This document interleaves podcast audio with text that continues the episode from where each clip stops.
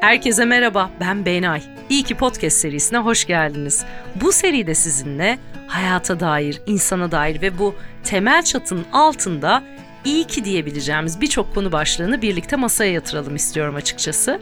Ama tabii ki bu çıktı öncesinde sorgulayacağız, masaya yatıracağız, düşüneceğiz tam kapsamlı bir şekilde. Dalgamızı geçeceğiz, güleceğiz ve akabinde çıkacak bu iyikiler diye düşünüyorum. Arada tabii ki konuklarım da olacak. Hadi sözü daha fazla uzatmayalım. İyi ki geldiniz diyorum tabii ki. Bunu irdelemeye hiç gerek yok. İlk konu başlığımıza geçelim. İlk konu başlığımızı yurt dışına taşınmak olarak belirledim açıkçası. Çünkü iki yıl önce İstanbul'dan İsviçre'ye taşındık. Bu İsviçre nasıl bir ülke? Ne yapıyoruz burada? Nasıl geldik? Gerçekten hangi mayalar bazen hiç tutmuyor ya da bu kadar gerçekten bu kadar güzel bir ülke mi? Zor mu? Bir pazarlama harikası mı yoksa İsviçre? Hepsini birlikte düşünelim, irdeleyelim istiyorum. Biz buraya eşim vesilesiyle parantez açıyorum. Kendisi sözleşmenin devamında Barış diye anılacaktır. Kapa parantez vesilesiyle geldik. Ve Barış uzun yıllar birçok Alman okulunda yabancı diller bölüm başkanlığı, işte IB koordinatörlüğü, TOK gibi birçok alanda görev almış bir sanat bilimi doktorası olan bir Almanca öğretmeni. Ben de uzun yıllardır medya sektöründe çalışıyorum pazarlama alanında. Ama son 2-3 yıldır zaten online olarak devam ediyordum iş hayatıma. O yüzden buraya taşınırken herhangi bir kurumdan da istifa etmek zorunda kalmadım. Bu da açıkçası çok e, daha kolaylaştırdı işi. Dönelim Barış'a. O dönemde oğlumuz 4 yaşındaydı. İşte artık okul dönemi yaklaşıyordu ve daha uluslararası bir ortamda büyümesi için ve Barış'ın da kariyer ad- adamları, tabii kariyer adamları, bakın bilinçaltım çıktı şu anda ortaya. Çünkü bu kariyeri bir adamın üstünden kurduğumuz için şu anda gerçekten bilinçaltımdan bir fırlama yaşıyoruz. Kariyer adımları için sevgili Barış'ın aslında böyle bir karar aldık ve yurt dışına taşınmaya karar verdik. Sonra da işte dünya haritasını aldık önümüze. Böyle biraz burayı havalı anlatayım. Böyle hangi ülkeye gitsek acaba? Hangi ülkede daha huzurlu, mutlu, keyifli olabilir hayatımız diye düşündük. İsviçre'de tabii ki bunlardan biriydi. Aslında İngiltere'yi çok istiyorduk. İngiltere'yi çok severiz çünkü. Fakat bir süre sonra ok yaydan çıkmaya başladı. Bakıyorum Barış Kanada ile görüşüyor. İşte bir Dubai'de bilmem ne okuluyla e, flört ediyor gibi gibi. Ve böyle sonra tekrar bir toparladık ve böyle Avrupa bölgesinde kalacağımız bu konuda hem fikir olduğumuzu hatırlattık birbirimize. Ve sonrasında da başvurulara devam etti açıkçası. Hiç geri dönmeyenler oldu, red verenler oldu, tek görüşme yapanlar, örnek veriyorum 5 görüşme yapıp son anda dönenler gibi gibi birçok örnek var aslında. Bu süre zarfında tabii ki o bir yıl içinde hiç pes etmemek çok önemli diye düşünüyorum. Çünkü azim, taş ve duvar ilişkisini her zaman koruduğunu düşünüyorum sevgili Barış'ın. O yüzden de günün sonunda böyle beklediğimiz birçok teklif üst üste geldi aslında. İki tanesi İsviçre'den, bir tanesi de İspanya'dan geldi. İşte bu İsviçre'deki okuldan gelen teklifi kabul ettik. Onlarla da yaklaşık bir 6-7 görüşme yaptı açıkçası. Ama tabii ki böyle bunların hepsi 10 gün içinde oluyor. Biraz fazla hızlı oluyor hatta. Ve şu anda İsviçre'de işte çalıştığı okulun teklifini kabul ettik. Orada Almanca ve sanat öğretmeni olarak çalışıyor Barış yaklaşık 2 yıldır. Ve tabii ki bu kabul süreci sonrasında dehşet uzun bir to-do list, yapılacaklar listesi çıkıyor karşınıza. Hem bıraktığınız ülkede hem de yeni taşınacağınız ülkede. Bıraktığınız ülkedeki yapılacaklar listesinin en tepesinde bilin bakalım ne var? Tabii ki marka adı söylemeyeceğim şu anda ama hepinizin tahmin edebileceği üzere Türkiye'de hani abonelik sistemiyle çalışan dijital televizyon yayını platformu vardır bir tane asla iptal edemediğiniz. İşte o listenin başında mesela iki gününüze alabiliyor bu tantananın içinde diyebilirim. E bir taraftan zaten hayatınızın en kalın dosyasını yeni taşınacağınız ülke için hazırlamakla meşgulsünüz o sırada. Noterler, yeminli tercümanlar, aklınıza gelebilecek her şey, nüfus müdürlükleri, adliye, işte secere dememiz yeterli olacaktır aslında. Tüm bunlarla uğraşırken gerçekten hem mücadele gücünüzü hiçbir zaman kaybetmemeniz gerekiyor hem de bir taraftan da mental tarafı da oldukça kuvvetli tutmanız gerekiyor. Yani bu dengeyi bulmak o süreçlerde çok zorlayıcı olduğunu söyleyebilirim.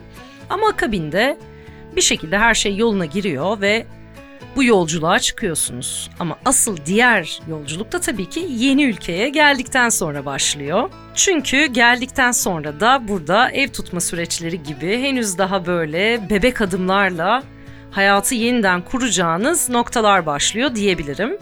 Ev tutmanız için de oturum ve çalışma kartlarına ihtiyacınız var ve fakat oturum ve çalışma kartlarını da bir adrese gönderiyorlar ve otelin adresini de kabul etmiyorlar. Bu yüzden de işte Barış'ın okulu bir adres gösteriyor. O adresin posta kutusunu takip ediyoruz sürekli. En nihayetinde biz şöyle sanıyorduk yani biz bir evi beğeneceğiz, işte belgeleri hazırlayacağız ve o evi eğer şartlarımız da zaten el veriyorsa tutacağız. Tabii bu bunun böyle olmadığını iki ay Alplerde e, turistik fiyatlarla otele ödediğimiz paralar sonrasında çok ciddi bir şekilde anlamış olduk. Zaten belgeler yavaş yavaş oturuyor. Bir de bunun yanı sıra böyle şeyi çok net anladık yani ev sahipleri şalelerinde böyle berjerlerine oturup gerçekten böyle prolarını tüttürürken önlerine böyle başvuru belgelerini, başvuranları alıyorlar ve kendi belirledikleri bir kritere göre seçiyorlar. Yani bu şey de olabilir. Atıyorum 10 yıldır İsviçre'de yaşayan birine vereceğim. Atıyorum şu ırktan birine vereceğim ya da işte şu işi yapan birine vereceğim ya da bürüt maaşı şu kadar olan birine vereceğim gibi birçok seçenek olabilir onlar için.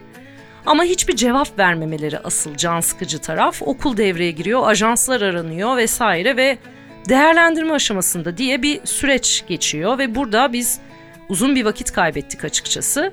Her neyse ikinci ayın sonunda dördüncü başvurduğumuz evi tuttuk.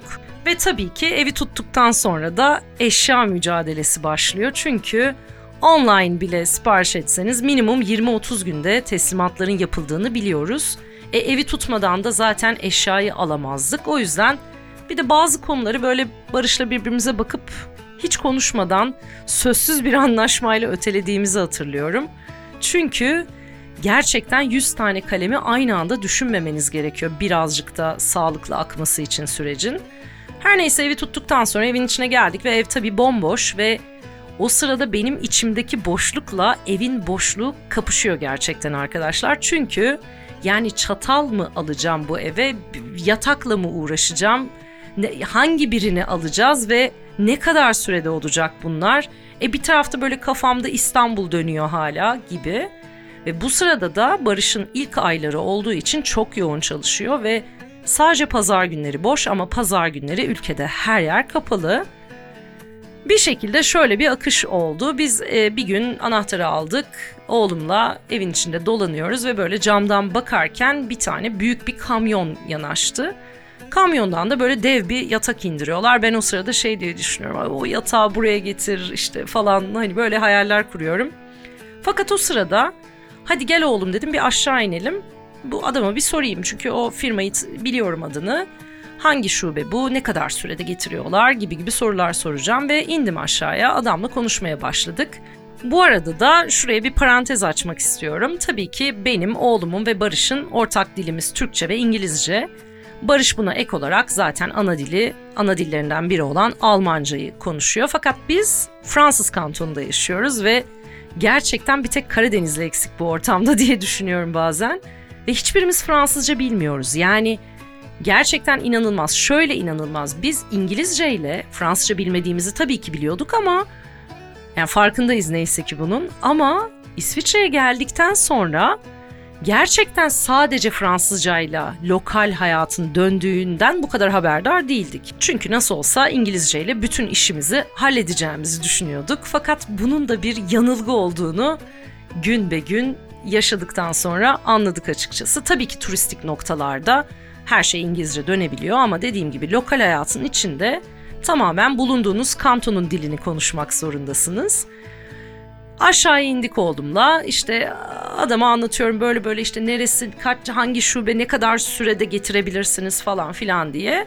O sırada da oğlum işte koşturuyor kuduruyor yanımda bir dakika dur oğlum yapma dedim. Ve adam döndü bana Türk müsünüz dedi. Hadi canım şaka yapıyorsunuz dedim. Nejat Bey kulakları çınlasın.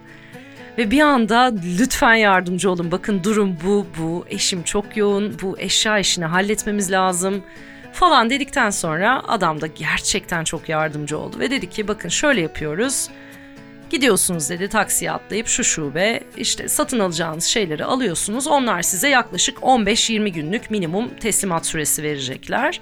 Siz dedi benim numaram bu kaydedin beni arıyorsunuz. Ben çünkü dedi depo sorumlusuyum ve bütün bunların çıkışını ben yapıyorum. Ve dedi siz satın aldıktan sonra iki gün sonra bütün eşyaları size getirebilirim. Ve gerçekten yani hem şans diye düşünüyorum bu akış hem de bir tarafıyla da işte bahsettiğim bu mücadele kültürünün içinden gelmekle de çok alakalı diye düşünüyorum.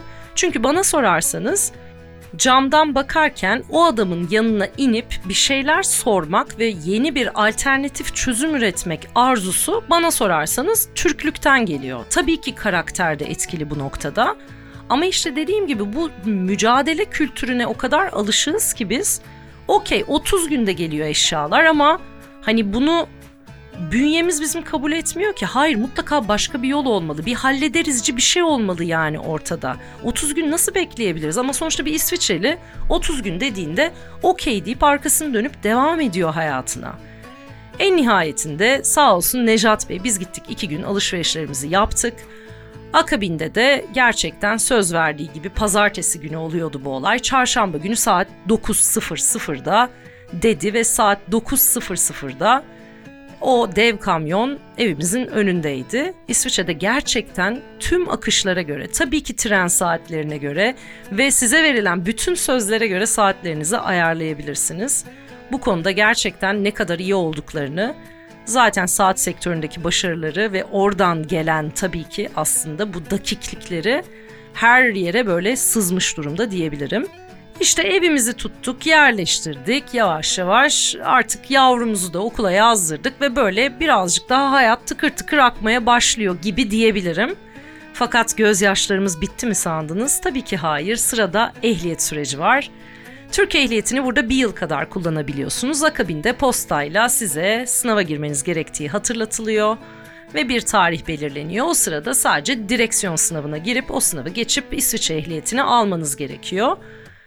Ee, Barış da çok uzun yıllardır tabii ki araba kullanıyor ve hatta motosiklette kullanıyor. Bütün Avrupa'yı birlikte motosikletle gezdik diyebilirim. O kadar çok tecrübeye sahip bu anlamda. Bir de zaten hani çok sakin bir insan olduğu için e, ben İsviçre ile bu mayanın çok tuttuğunu düşünüyorum Barış için. Dolayısıyla da ehliyet sınavına, direksiyon sınavına gitti ve hiç tabii ki endişemiz dahi yok ve fakat Barış direksiyon sınavını geçemedi arkadaşlar ve biz gerçekten hayatımızın şokunu yaşadık. Geçememe sebebi de ilk sınavda e, tüm bedeniyle sağa sola dönmemesi sebebiyleydi.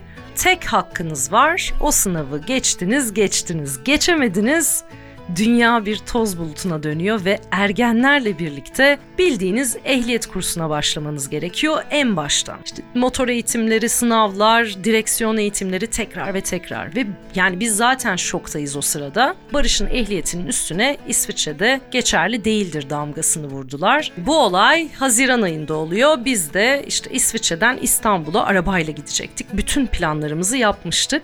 Ve o noktadan sonra da değiştirmek istemiyoruz ve şunu hatırladık. Bir dakika bu ehliyet sadece İsviçre'de geçerli değil. Dünyanın geri kalanında hala ehliyetin var sonuçta. O yüzden de hemen aklımıza bir Türk e, olarak tabii ki yine çözüm geldi. Çok yakın arkadaşlarımızdan birini aradık burada. Dedi ki bizi lütfen şu sınırdan çıkartır mısın? Çünkü Fransa sınırına zaten çok yakınız. Gel bizi sür ve sınıra götür. Sonrasında zaten ehliyet artık geçerli hale geliyor. Aynı şekilde ülkeye girerken de iki ay sonra bizi aynı sınırdan alır mısın dedik. Sağ olsun bizi kırmadı Tuğba. Kendisi de zaten ilerleyen bölümlerde konuklarımızdan bir, biri olacak. Hikayenin belirli bölümlerini ondan da dinleriz.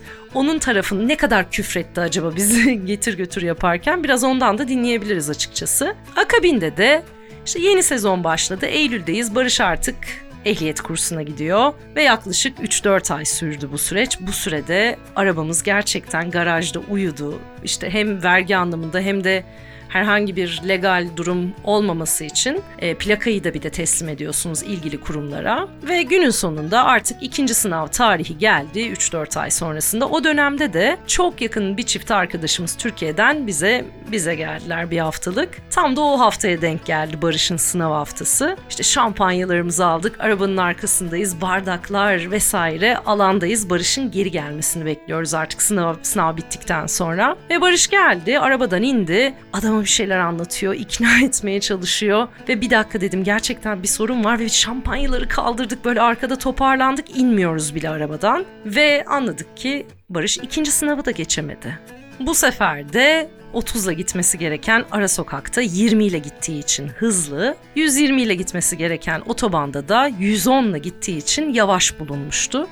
Ve bunun gibi birçok benzer şey e, düşünebilirsiniz. Fakat moraller aşırı bozuldu tahmin edersiniz ki şu an dinlerken bile asabınızın bozulduğunu düşünüyorum. Ve İşin en berbat tarafı şu. Üç tane hakkınız var ve üçüncüyü de geçemezseniz İsviçre sizi psikoloğa yolluyor arkadaşlar ve bu noktaya gelmemek için artık son şansımız, son şansımız da 15 gün sonraydı ve Barış o arada işte hem Türk hem İsviçreli birçok direksiyon hocasından dersler aldı ve tam anlamıyla gerçekten İsviçre'nin beklentisini anladıktan ve öğrendikten sonra da direksiyon sınavına girdi ve üçüncü de geçti gerçekten. Böyle psikoloğun köşesinden döndük diyebilirim. Bu ve benzeri aslında çok fazla örnek anlatabilirim. Bize çok farklı gelen, garip gelen, anlamlandıramadığımız. Çünkü aslında referans ülkemizle o kadar örtüşmüyor ki burada olan biten her şey ve hiçbir şey. O yüzden de bunu anlamlandırmak, uyum sağlamak, gerçekten kabul etmek oldukça zorlayıcı. Bir diğer taraftan da işte ben de Fransızca öğrenmeye başladım. Kursa gidiyorum. Çünkü oturum kartının yenilenmesi için sizden belirli bir seviyede Fransızca bilgisini istiyor entegrasyon sürecinizle alakalı. Dolayısıyla işte ben de geçtiğimiz ay bu sınava girdim. Arkadaşlarım e ne oldu sonuç dediler. Yani İsviçre'de gerçekten bu kadar hızlı akabileceğini Düşünmediniz herhalde. Bilmiyoruz çünkü 4 hafta sonra yine eve postayla yollanacak sonuç. Büyük ihtimalle ilerleyen bölümlerde zaten sonuç gelmiş olur diye düşünüyorum. Paylaşırım sizlerle. Bunun gibi birçok aslında örnek anlatabilirim size. İşte bu farklılıklarla ilgili ama biraz da böyle artık İsviçre tarafına dönmek istiyorum. İsviçre nasıl bir ülke? Ve burada hayat nasıl? Gerçekten İsviçre bir gözün görebileceği en güzel, en düzgün, en harika ülkelerden birisi. Her gün baktığınızda şoka giriyorsunuz. Mesela şu anda benim karşımdaki manzarayı görmeniz lazım. Şok. İnanılmaz bir düzen, inanılmaz bir yeşillik. Zaten İsviçre Vivid yeşili diye bir şey var ve bu İsviçre'de dağlarda ve bu her yerde gördüğünüz yeşil İsviçre çiminden oluşuyor ve belirli bir 10 santim kadar uzuyor. İşte o yüzden dağların tepelerindeki hani hiç e, biçme yapmadan bu kadar harika görüntüyü de bu özel İsviçre çimi sayesinde sağlıyorlar. Gerçekten çok güzel. Ama bana sorarsanız bir o kadar da dünyanın en sıkıcı ülkelerinden birisi diyebilirim. Çünkü çok güvenli, çok çok aşırı güvenli ve bu güvenliği sağlamak için de aslında birçok şeyden feragat ettiklerini düşünüyorum. Güvenli ne anlamda güvenli? Gerçekten olay çok az. İşte mesela Montreux'de bir çanta çalınmıştı. Bir turistin çantası çalınmış. Gerçekten 8 polis arabası işte 50 tane polis falan geldi. Çünkü yani olay olmadığı için büyük ihtimalle bu, bu dev bir olay onlar için ve saatlerce orada kaldılar. Saatlerce ve büyük ihtimalle saatlerce de polis karakolunda devam etmiştir olay diye düşünüyorum. Özetle dediğim gibi oldukça sakin bir ülke. Hani ne arıyorsun Benay diyebilirsiniz. Biraz daha böyle şehir hayatına yatkın bir insan olduğum için biraz daha açıkçası daha tempolu. Elbette bu arada tabii ki Lozan'da işte bulunduğumuz yerde Bern'de vesaire birçok etkinliğe dahil olabiliyorsunuz. Ben günlük hayat rutininden bahsediyorum. Bu mesela bahsettiğim adalet duygusunda böyle iliklerinize kadar nasıl hissediyorsunuz? Bir tane örnek vereyim. İşte buraya geldiğimiz ilk haftalarda oğlumu bir oyun parkına götürmüştüm ve bir araba seçmişti. Seçtiği bu araba işte biraz yavaş gidiyordu diğerlerine göre. Bir tane de böyle jeton atıp biniyorsunuz ve hemen yetkili ilgili kişi geldi ve dedi işte oğlunuz bu arabayı seçti ama işte e, bu çalışmıyor çok e, yavaş çalışıyor o yüzden lütfen jetonunuzu iade edeceğiz bunu kabul edin falan filan. Yani dolayısıyla böyle çok idrak edebileceğiniz bir süreç olmuyor burada. Ya da atıyorum mesela şeyi çok iyi hatırlıyorum. Trene bineceğim anda ilk başlarda böyle şeyi hatırlıyorum. Yani çok kalbim sıkışıyordu. Çünkü düşünsenize biz zincirli kuyu metrobüs eğitimi almış insanlarız. Yani bir an önce ulaşım aracına binmemiz ve bir yer kapmamız gerekiyor. Hep hep bu hisle büyüdük tahmin edersiniz ki. Ama mesela öyle bir sıraya diziliyorlar ki ve o kadar ağırlar ki, o kadar yavaşlar ki ve yani size şeyi öğreniyorsunuz o sırada. Tamam, sen de aynı ağırlıkta, aynı yavaşlıkta bu trene binebilirsin. Tren kesinlikle kaçmayacak. Hiç kimse senin önüne atlamayacak. Hiç kimse sana çarpmayacak. İşte hemen kendine bir yer bulabilirsin tabii ki ama lütfen yavaş ol. Birinci kural bu. Yavaş ol ve en acil anlarda bile aciliyetini hep ikinci plana at. Çünkü saygı, çünkü yavaşlık, çünkü o huzurlu ortama adapte ol. Yani mesela işte eczaneye gitmiştim bir gün. Eczane de bir insanın hani aciliyetinin olabileceği noktalardan birisi olarak kabul edilebilir bence. Bir ilaç alacağım, oğlumun ateşi var ve önümde bir kadın var. Eczacıyla inanır mısınız bir 5-10 dakika kadar sohbet ettiler ve o sohbet bitene kadar beklemek zorundasınız. Yani bu mesela benim bu arada yapıma da çok uygun bir şey değil. Yani benim kadar sabırsız bir insanın orada beklemesi ya da beni orada bekletmeleri sohbet için bana çok adil gelmiyor aslında. Ama orada sohbetin bitme önceliği onların daha e, ön planında olduğu için beklemeniz gerekiyor. Çünkü düşünsenize normalde eczaneye girersiniz bir aciliyetiniz vardır ve bakışarak bile anlaşırsınız. İşte bu vücut dili farklılığı, kültür farkı birçok noktada karşınıza çıkıyor. İyisiyle, kötüsüyle, garipliğiyle, farklılığıyla diyebiliriz aslında. Sonra işte tabii ki bu arada annem babam İstanbul'da ve oğlumla sıklıkla İstanbul'a gidiyoruz. Neredeyse her ay iki ayda bir diyebilirim. Ve böyle İstanbul'da Sabiha Gökçen'e indiğim anda böyle işte suratıma üflenen sigara dumanları, yere tüküren insanlar, bir cam pazarı, taksi bulabilecek miyiz? Üstten alttan çarpan insanlar. Böyle bir kendime geliyorum açıkçası. 2-3 gün sonra tekrar İsviçre'ye döndüğümde tamam diyorum yani nasıl olsa İstanbul orada kaçmıyor. Bu bu duyguyu, bu kaos, bu karmaşayı dilediğin zaman yaşayabilirsin Benay diyorum.